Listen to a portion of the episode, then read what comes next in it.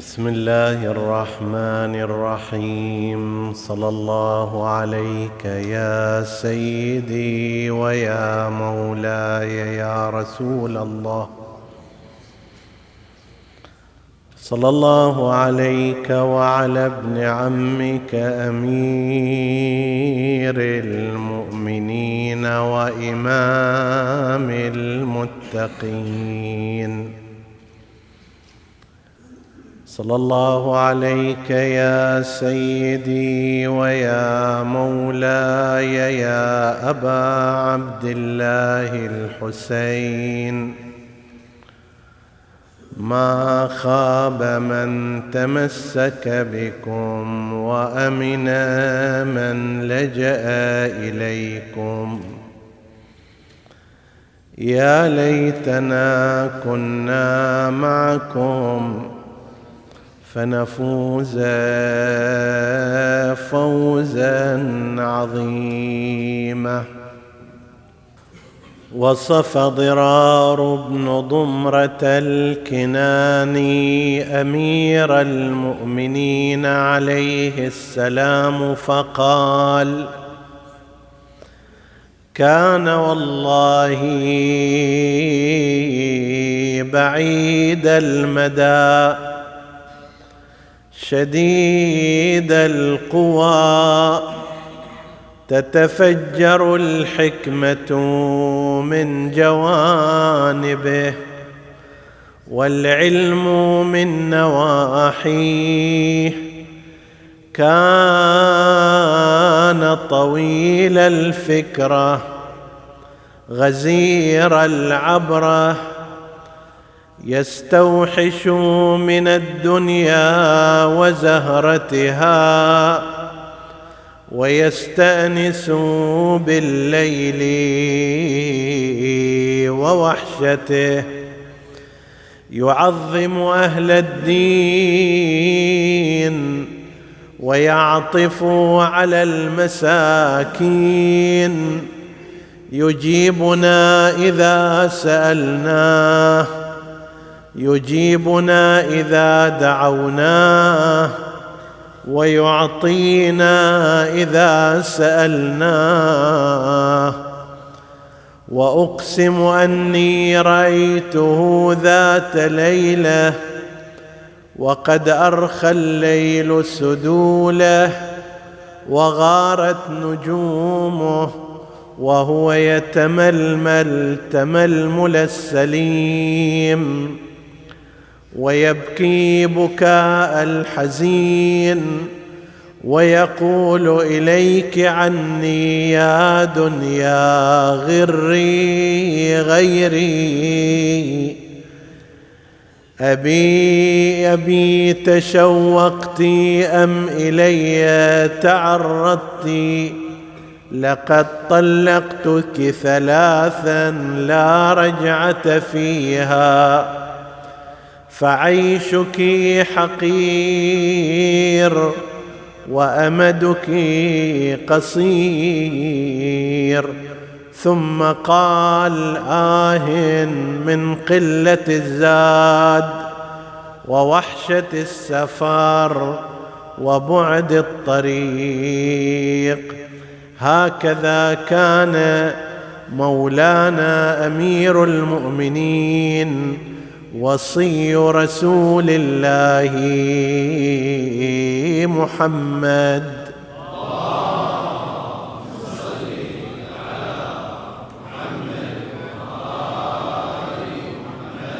اللهم صل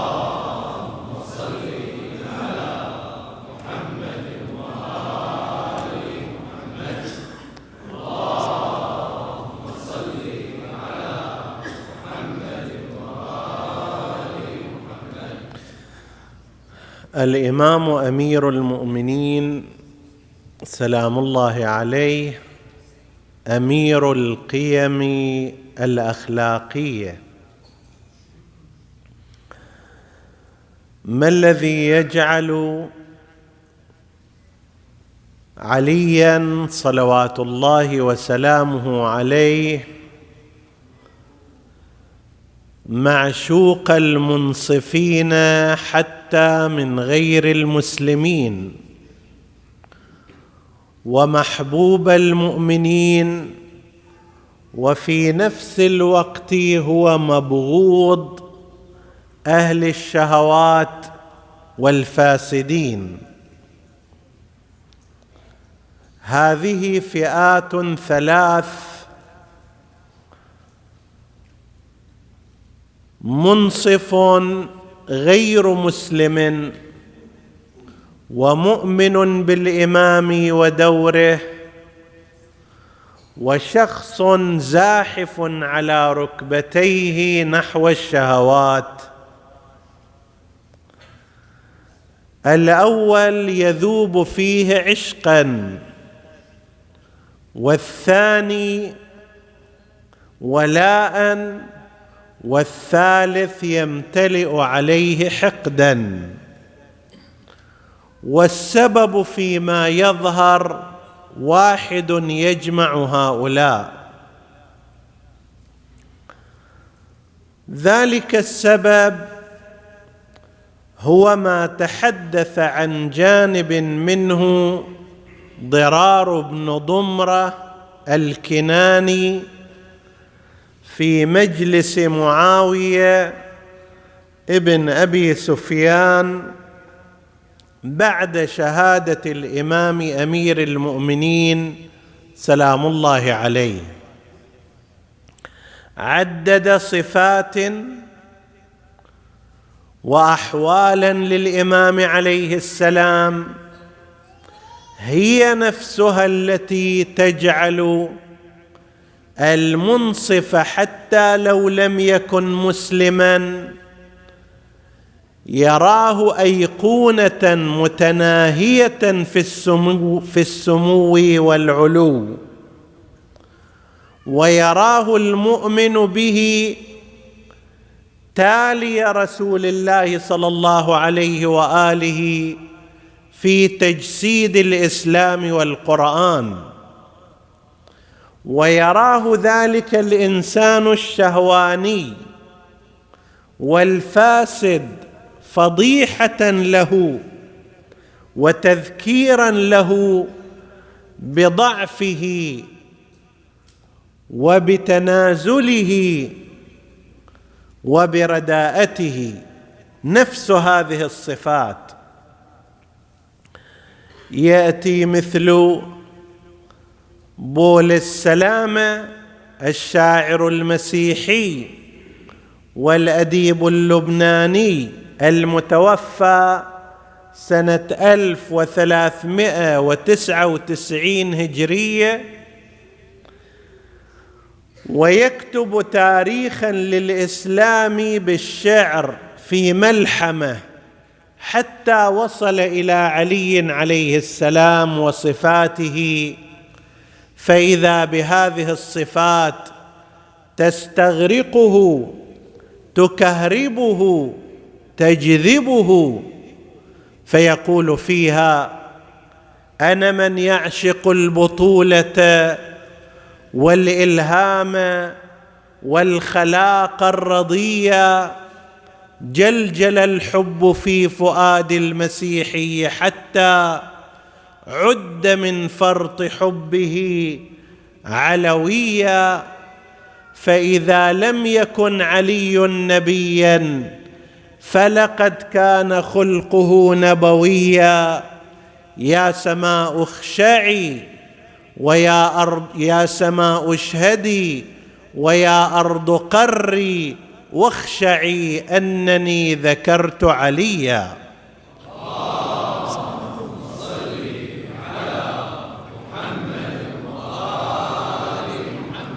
هذا واحد من كثيرين ليس لديهم بحسب التصنيف إيمان برسالة الإسلام ولكنهم كتبوا في علي شعرا ونثرا وكتبا ومجلدات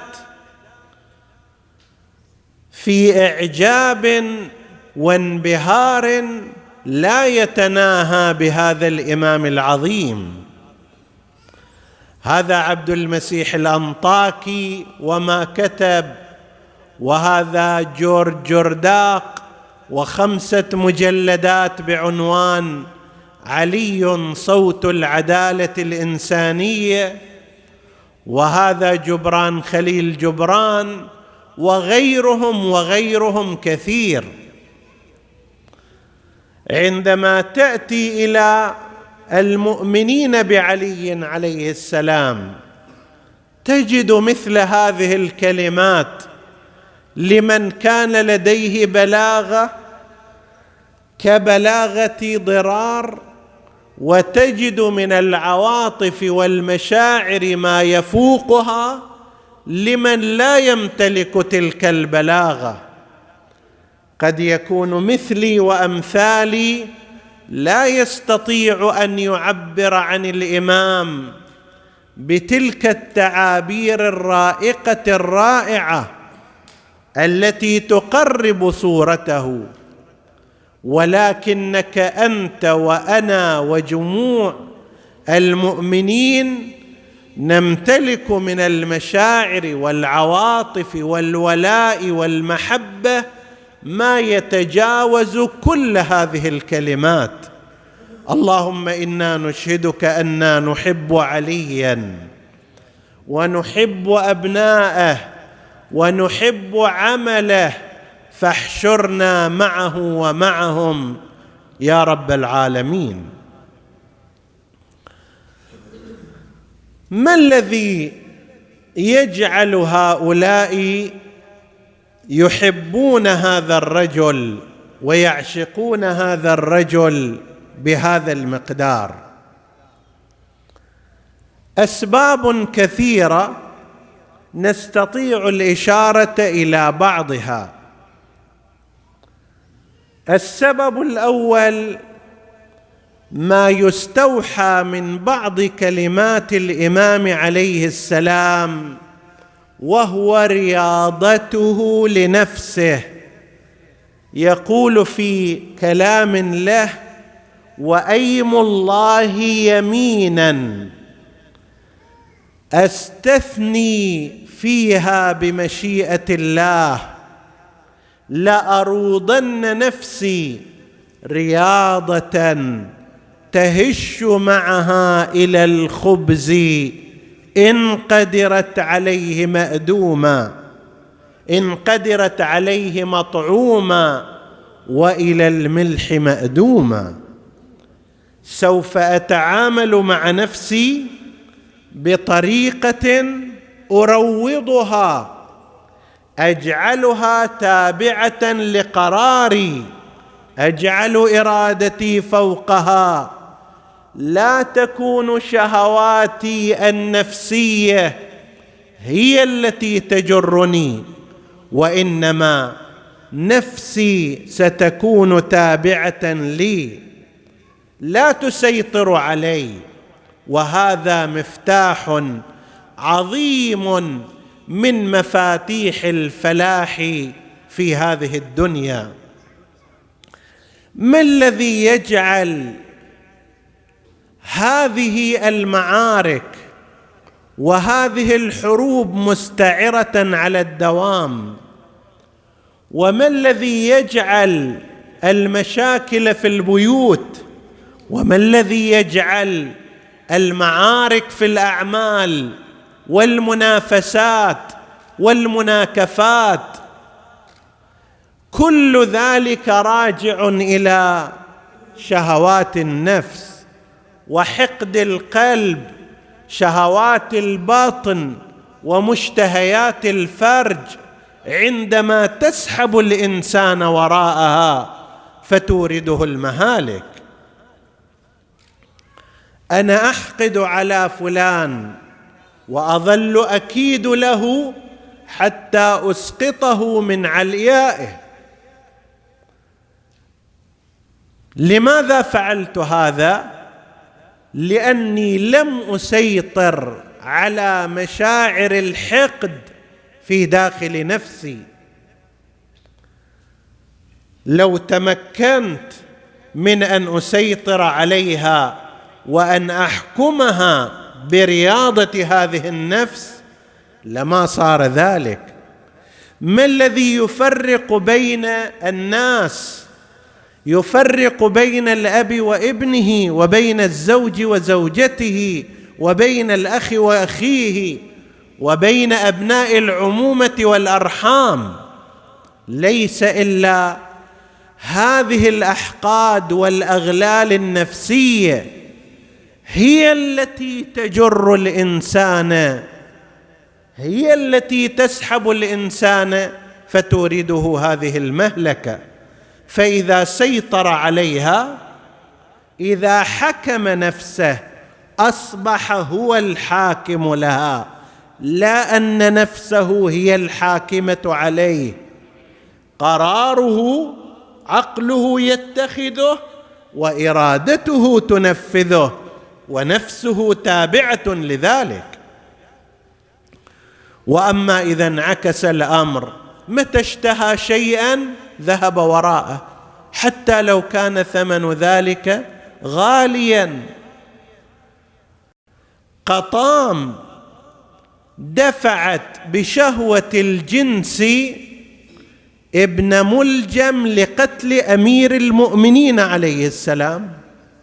تبع هذا الرجل اللي في أول أمره كان معلم قرآن.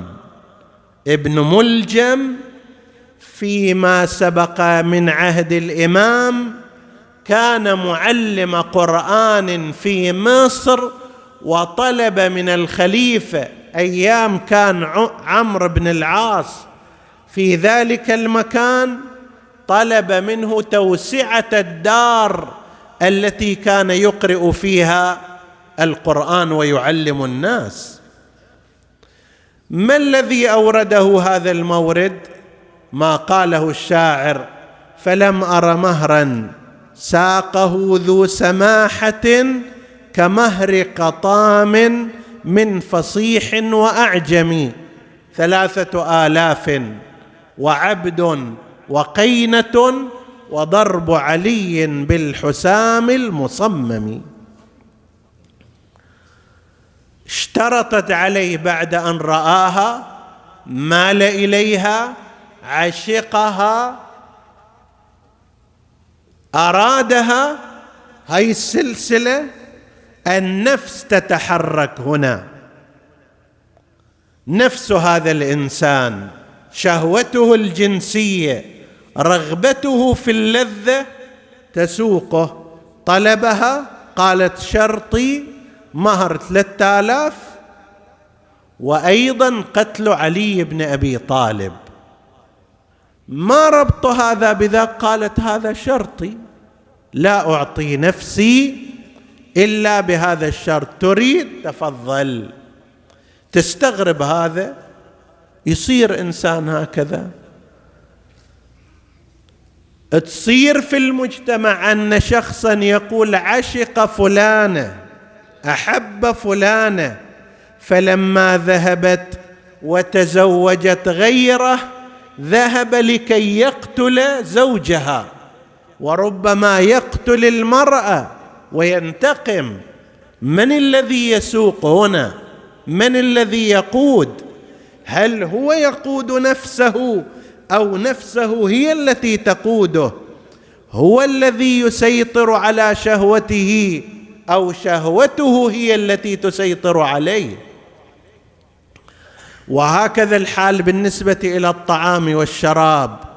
عندما الإنسان لا يفكر حلال هذا حرام هذا مشتبه هذا يجوز أو لا يجوز ملك الغير أو ملك الذات لا يهمه هذه الأمور. ثم يرتكب لكي يملأ هذا الباطن بما هو محرم لجهة من الجهات. هنا شهوه البطن هي التي تسيطر. هنا النفس هي التي تقود. هنا يقول أمير المؤمنين عليه السلام وإنك مهما تعطي فرجك سؤله وبطنك نال منتهى الذم أجمعا. إذا كل ما طلب منك بطنك شيء تعطيه. كل شهوة تلبيها. الجانب الجنسي كلما صارت رغبة عندك رحت وراها. سوف تنتهي إلى أن تتندم تذمم. الإمام يقول أنا راح أروض نفسي إلى حد أنه إذا تشوف القرص الخبز العادي تهش إليه. ما ذوقه إلا بالفترات المتباعدة. سويد بن غفلة الجعفي متوفى حوالي سنة ثمانين هجرية لم يدرك رسول الله صلى الله عليه وآله فالتصق بأمير المؤمنين عليه السلام وأصبح في ركابه وأخذ منه وشاركه في حروبه وكان مقربا من هذا الرجل يقول دخلت ذات يوم على أمير المؤمنين وقت الطعام صار غذاء. فقرب إليه خبز شعير يابس وبجانبه قدح فيه لبن حازر. حامض. تشم رائحة الحموضة منه. فأخذ خبز الشعير وكسره على ركبته. هو خبز الشعير بطبيعته خشن. فكيف إذا كان يابس؟ فكسره على ركبته. فالتفت إلى ذلك وقلت يا فضة يا فضة ألا تتقون الله في هذا الشيخ؟ رجل كبير ذاك الوقت يفترض في حدود الخمسين سنة من العمر أو يزيد هذا الأكل ماله؟ لماذا لا تنخلون له هذا الخبز بدون نخل؟ يابس؟ قالت قد كنا نصنع ذلك فأبى علينا. وختم الجراب الذي كان يوضع فيه الخبز لحدي المساء. فكأني التفت إليه متسائلا يعني ليش؟ فقال يا ابن غفلة لا أزال مؤتسيا بأخي وابن عمي رسول الله بأبي من لم يشبع من خبز البر حتى اختاره الله عز وجل. خبز بر ما شبع منه النبي صلى الله عليه وآله. وأنا أقتدي به وأسير خلفه. أنا وراه أنا مقلد اليه أنا تلميذ إلى ما جايب شيء مبتكر. هكذا كان يروض نفسه. زين إذا هالشكل واحد يروض نفسه هل ستطمع منه نفسه في الحرام؟ هل ستطمع هل سيطمع منه فرجه في الحرام؟ كلا. الطريق الأول أيها الأحباب لأولياء علي عليه السلام ولأتباعه أن يروض نفسه على الحلال. لا نستطيع أن نصل إلى ما وصل إليه أمير المؤمنين. وقد أخبر صادقا بذلك فقال ألا وإنكم لا تقدرون؟ على ذلك ولكن أعينوني بورع واجتهاد. نفس هذا اللي يقوله النبي أفضل الأعمال في هذا الشهر الورع عن محارم الله. أليس من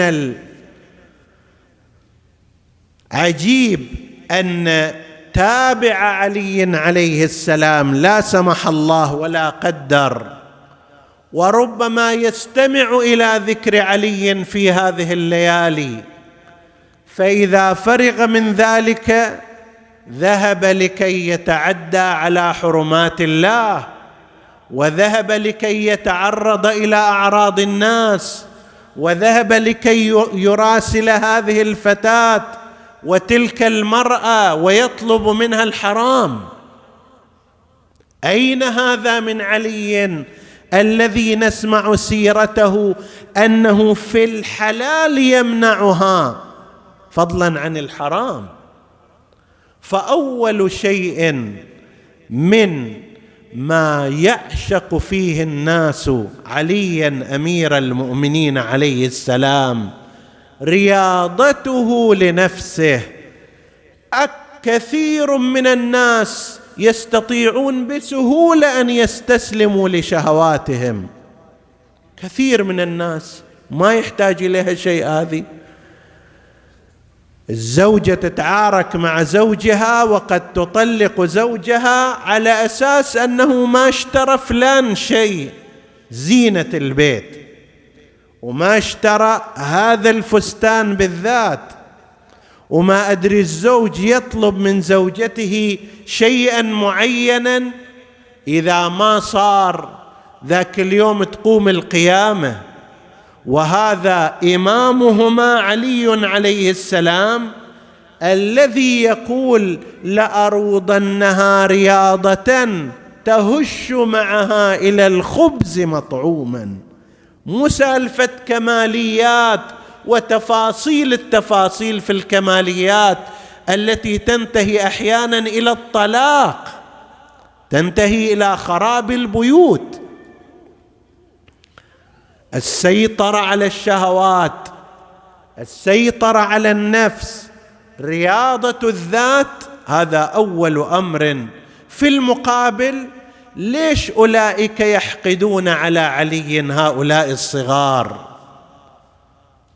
لأن عليا عليه السلام يفضحهم يكشف عن سواتهم يقول لهم ترى الإنسان إذا توجه إلى ربه يصير أفضل من الملائكة ما يصير زاحف على ركبتيه إلى الشهوات المحرمة وإلى القضايا غير الصالحة فلأنهم يرون في ذلك فضيحة أنفسهم. لا يحب الإنسان من يفضحه لا يحب الإنسان من يعريه لا يحب الإنسان من يقول من يقول له أنت ارتطمت بالقاع نزولا. هذا واحد. مما نستفيده من أمير المؤمنين عليه السلام وكيف وصل إلى هذه المدارج العليا. الأمر الآخر أن قضيته رقم واحد واثنين وثلاثة هي الإسلام ليس إلا. قسم من الناس الإسلام جزء من الأمور. اكو امور أخرى تتدخل عواطف مشاعر شهوات قرابات غير ذلك. كلام الناس كل هذا إلى حساب والإسلام هم فد حساب إليه يابا ليش تسوي في ليلة زواجك مثلا آمر لا يناسب كونك مؤمنا ومتدينا. يقول شو نسوي كلام الناس؟ ناس يتكلمون يحجون. لازم يكون هنا الله ماذا يقول؟ نبي الإسلام ماذا يقول؟ علي ماذا يقول؟ مبادئ الدين ما تقول؟ هذا اللي ينبغي أن يكون. هذا في الأمور الشخصية وفي سائر الأمور الأخرى. غير الإمام عليه السلام منطقهم في قضايا السياسة والمجتمع. يا رب هيجا هي خير من دعا. إذا ما تستجيبون إلنا نحارب وخلي يصير اللي يصير. كما قال ناطق الأمويين. أو لا منا أمير ومنكم أمير. إذا ما تريدون خلي يصير المعركة كما قال بعض الأنصار أو غيرهم. لكن عليا عليه السلام قضيته الأولى هي قضية الدين والإسلام. يقول في أمر تراجعه وتنازله في أول الأمر عن النهضة اللي كانت موجعة ومؤلمة هو نفسه سجلها.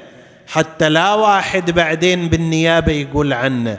قال فصبرت وفي العين قذى وفي الحلق شجا السبب شنو؟ أرى تراثي نهبة منهبه صار؟ طيب ليش إذا سويت هكذا؟ لم لم تسحب السيف وتنهض. قال حتى إذا رأيت راجعة الناس قد رجعوا عن الإسلام يدعون إلى محق دين محمد.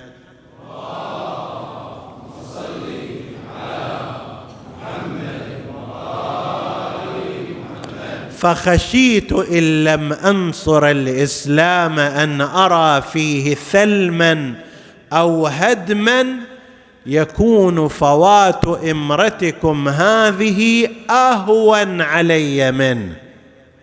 وما هي إلا متاع أيام قلائل. أنا خفت أن الإسلام يصير فيه انهدام يصير فيه ثلمه الطرف الآخر حاضر يواصل المعركة للأخير. ما معلوم إلى وين كانت تجر. وآنئذ سوف يتضرر الإسلام فإذا أنا أن أخسر إمرتي والولاية والحكومة أفضل من أن يتهدم بناء الإسلام. الإمام سلام الله عليه قضية الإسلام وتشريعات الدين هي الأساس عنده وهو الذي طبقه عندما جاء في طريق إصلاح الأمة. كان يستطيع الإمام أمير المؤمنين وهو يقول إني أعرف طبكم وداءكم ودواءكم ولكن هيهات أن أصلحكم بإفساد نفسي.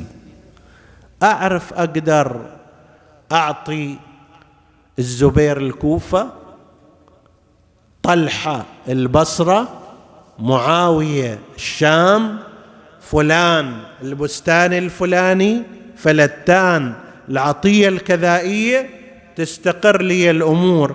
بس هو هذا نفسه فساد. أنا حينئذ سأكون والعياذ بالله فاسدا. فهل أنا أصلحكم أنتم وأنا بذاتي أن أكون فاسدا؟ هذا غير ممكن.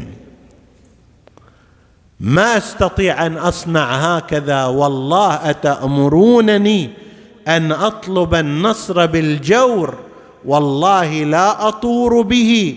ما سمر سمير وما أم في وما أم نجم في السماء نجما.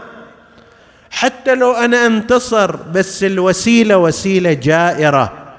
حتى لو أنا أصفي خصومي وأقتلهم وأبعدهم من الساحة لكن الطريق إلى ذلك طريق غير شرعي طريق غير إسلامي لا أصنع هذا أبداً.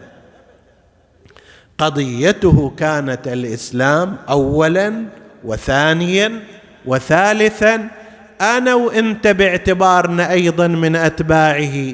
ينبغي أن تكون معادلة الإسلام هي الأصل. الحكم الشرعي اولا وقبل كل شيء. ليكون الحكم الشرعي آخر شيء.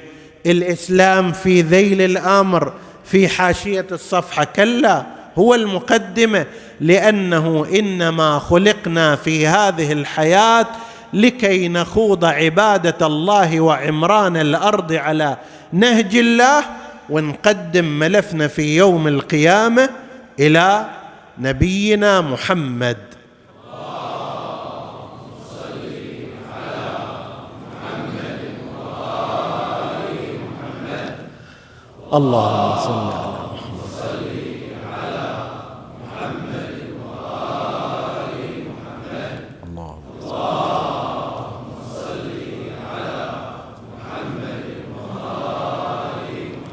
لاحظوا يتصل هذا الأمر حتى في مثل هذه الليلة في تفاصيل التفاصيل. لذلك فعلا هذا الرجل يحار الفكر البشري فيه. عندما أخذ ابن ملجم النفوس ثائرة جماهير متعطشة للانتقام. هذا قتل نفس رسول الله صلى الله عليه وآله. يا علي من قتلك فقد قتلني. قاتل النبي وشبه النبي. فالكل كان متعطش لقتله والانتقام منه. في المقابل الإمام ماذا يقول؟ يا حسن ارفق بأسيرك. خذوا لأسيركم. أطعموه مما تأكلون. واسقوه مما تشربون. ثم يتحنن عليه سلام الله عليه يقول أما ترى عينيه قد صارتا في أم رأسه؟ خايف. هدئوا خوف هذا الأسير. لا تخلوه مرعوب هكذا. الإمام الحسن يقول له وبعض من حضر يا أمير المؤمنين إنه قد فجعنا بك. وإنت هالوصايا توصينا فيه. قال بلى. وأوصاهم أن إذا أنا مت فاضربوه ضربة بضربة.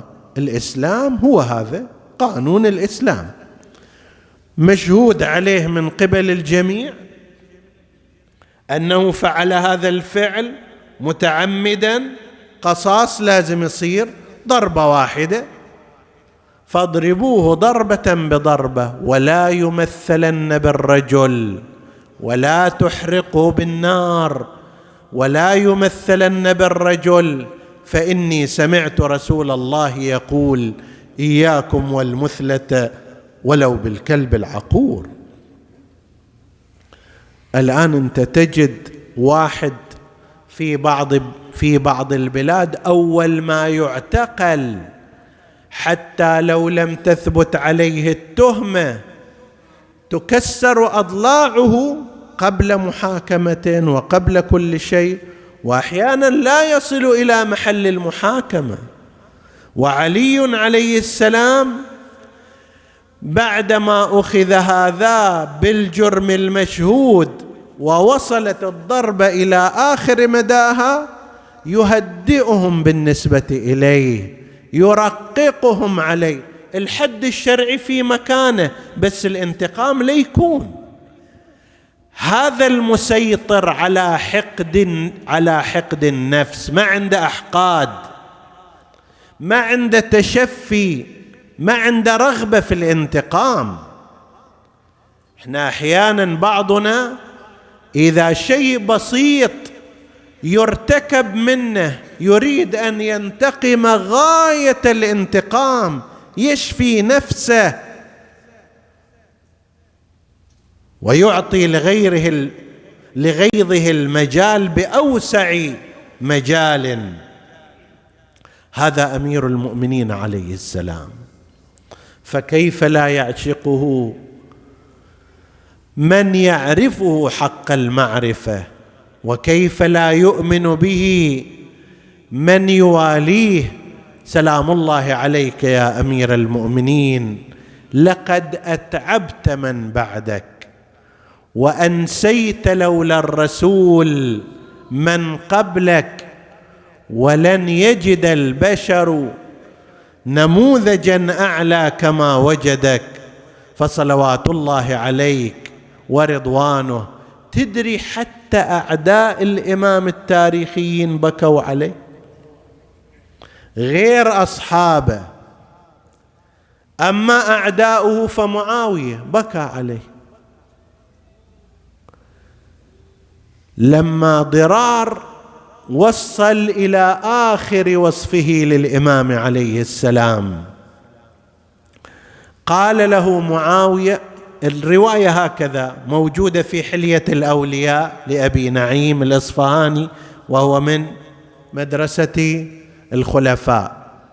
موجودة في الاستيعاب أيضا من مصادر مدرسة الخلفاء. موجودة في شرح ابن أبي الحديد كذلك وفي غيرها وأصل الروايه موجود عندنا كثير في تلك المصادر وهي كثيرة. فلما وصل ضرار إلى نهاية حديثه قالوا فوكفت عينا معاوية من دون اختيار يعني دمعت عينه وأخذ كمه يمسحها. وأما المجلس الحاضرون فقد بكوا. فسأله معاوية إحنا لا نعتقد أن معاوية بهذا الموقف يحسن حاله ولكن أريد أقول لك الإمام عليه السلام يفرض نفسه إلى هذا المقدار.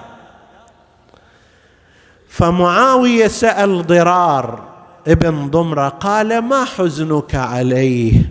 ما قدر حزنك عليه؟ انت الآن إذا واحد يسألك إيش قد حزنك على إمامك. فقال له ضرار حزن أم قتل واحدها في حجرها فهي لا ترقا عبرتها.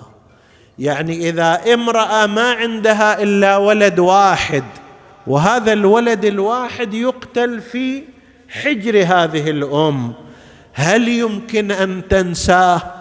هل يمكن أن تسكت عن البكاء عليه؟ يقول أنا حزني على أمير المؤمنين هو بهذا المقدار. قل للضرار ابن ضمرة ترى عندك جماعة الآن مر عليهم ألف وأربعمائة سنة. هذا رمضان يمر ألف وأربعمائة سنة على شهادة أمير المؤمنين عليه السلام. ولا تزال قلوبهم حزينة على علي بن أبي طالب. ولا تزال أعينهم باكية على علي بن أبي طالب. ولا يزال ولا تزال مصيبته حية عندهم. ألف وأربعمائة سنة أربعة عشر قرن. هنيئا لكم يا شيعة الإمام. طوبى لكم. وهنيئا لأمير المؤمنين عليه السلام هذه السيرة الوضاءة التي تجعل الناس يحزنون عليه إلى هذا الزمان المتأخر. كيف لا يحزنون عليه؟ هذه امرأة سودة الهمدانية استدعيت إلى مجلس معاوية بعد شهادة أمير المؤمنين عليه السلام. ومعاوية قال لها انت الواقفة بين الصفين في صفين وتقولي شمر كفعل أبيك يا ابن عمارة. تشجعين ابنك؟ قالت بلى وما موقفي يخفى. أنا مو وحدة اللي أتخفى عن هذا. فبدأ يهددها بذلك. يهددها أنه ترى الموقف راح يحملك مسؤوليات. وأنا راح أعهد إلى والينا كذا وكذا يصنع. فبكت وقالت صلى الإله على جسم تضمنه قبر فأصبح فيه العدل مدفونا. قال من تعنين؟ قالت علي بن أبي طالب. أنا أصلي عليه وأترحم عليه. قال ما أرى عليك منه شيء. يعني لا معطيك أموال ملابس غير ذلك.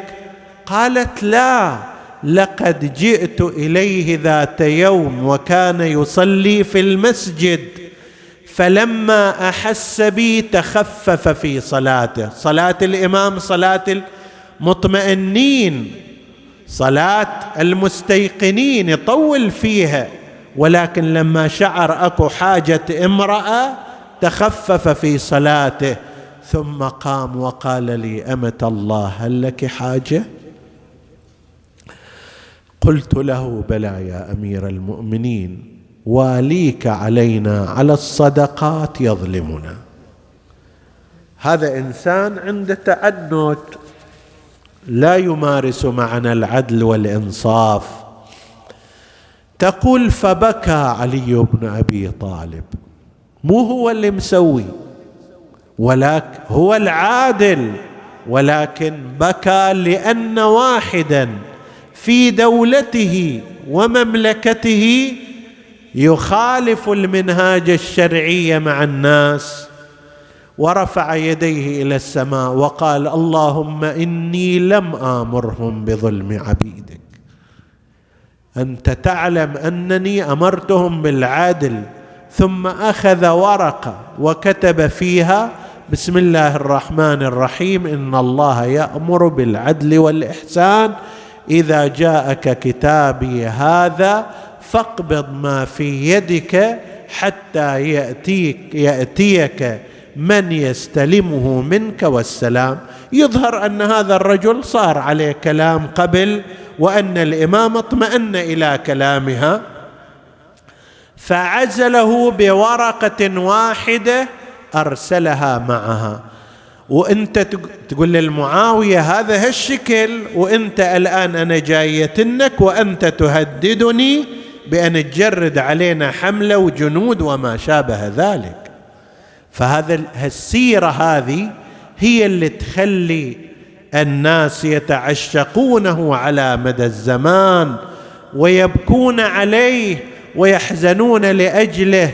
يا سيدي يا أمير المؤمنين إذا كان ضرار يبكي عليك بكاء أم فقدت ولدها قتلا في حجرها فما حال هذه الليلة زينب ابنة علي بن أبي طالب.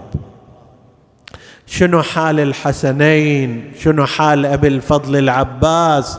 شنو حال محمد بن الحنفية؟ شنو حال نساء أمير المؤمنين عليه السلام في هذه الليلة وهي أصعب الليالي؟ قال محمد بن الحنفية بتنا ليلة عشرين بأصعب ليلة.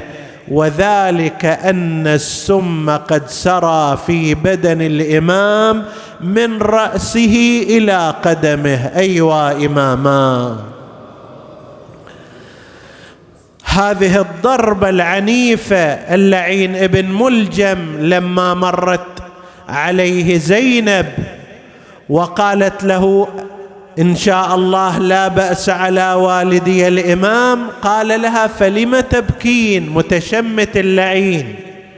فلم تبكين؟ لقد اشتريت سيفي بألف وسممته بألف اشتريت إلى سم بألف درهم وغمسته فيه حتى يتشرب السم بشكل كامل.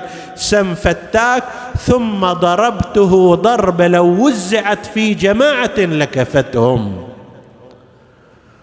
وهذا الآن سي رأس الإمام مشقوق من مفرقه. والسم نزل من الرأس إلى بقية الأعضاء. الدم نقل هذا السم إلى باقي أعضاء الجسد. لذلك لا غراب أن يقول الأصبغ رأيته معصبا بعصابة. بعصابة صفراء لا أدري العصابة. أشد صفره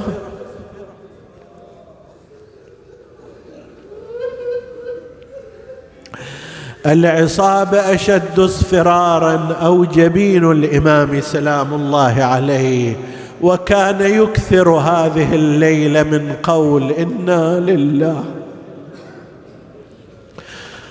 وإنا إليه راجعون والناس مضطربة قلق على حال الإمام اليتامى بر ينتظرون الخبر النساء في داخل بيت الإمام ينتظرون الخبر جيء للإمام بأثير السكوني أكبر متطببي الكوفة حتى يفحص الإمام ويشوف امره حتى يعطي النتيجة. أخذ عرق شاة ووضعها في رأس الإمام ثم نفخ قليلا خرج على ذلك العرق شيء من دماغ الإمام فالتفت التفاته يائس إلى الإمام وقال أبا الحسن اعهد عهدك.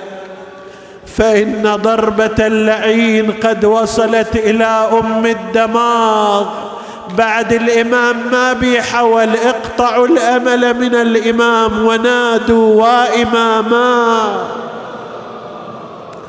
إلى الآن الخبر ما وصل إلى داخل النساء كأن زينب أم كلثوم باقي النساء يسألون ما الخبر؟ شنو قال الطبيب؟ زينب كأنها بلسان الحال تناشد أخاها الحسين يا حسين نشدك عن ولينا يا خوي تخفي علينا. اش والدي بطل ونينا ما أسمع حسل الوالد إن شاء الله علامة بشارة. اش والدي بطل ونينا وأشوف عرق يسبح جبينة. كان حالته اليوم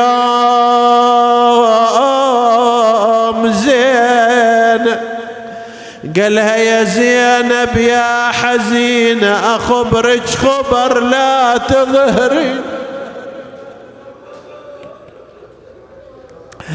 أخبرك خبر لا تظهرين ترى والدي؟ والدي روح من ترى والدي روح من دينا والسيف السيف شق غرة جبينه. أيوا إماما. أويلي نزلت الكوفة يا علي قشرة عليه. نطلب من الله الطيب وتردنا المدي.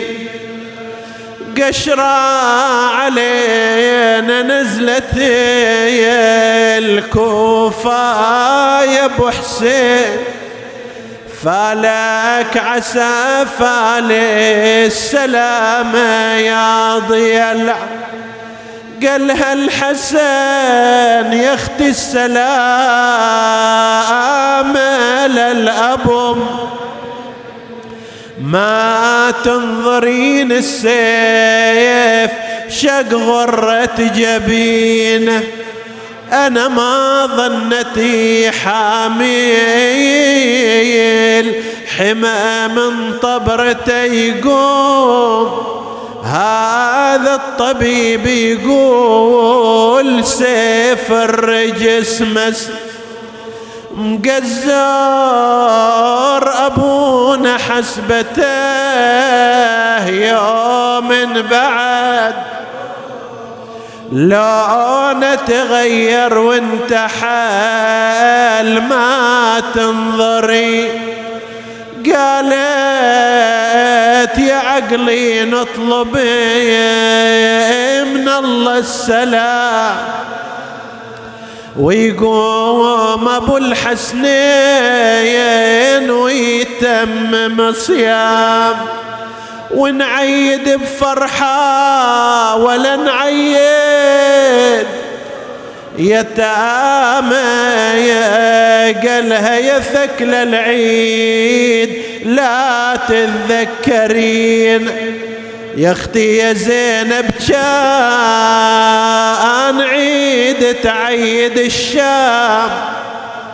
باكر يوصل الخبر عدهم أبرك الأيام. وإحنا بعد ليلة ويوم ونصبحيت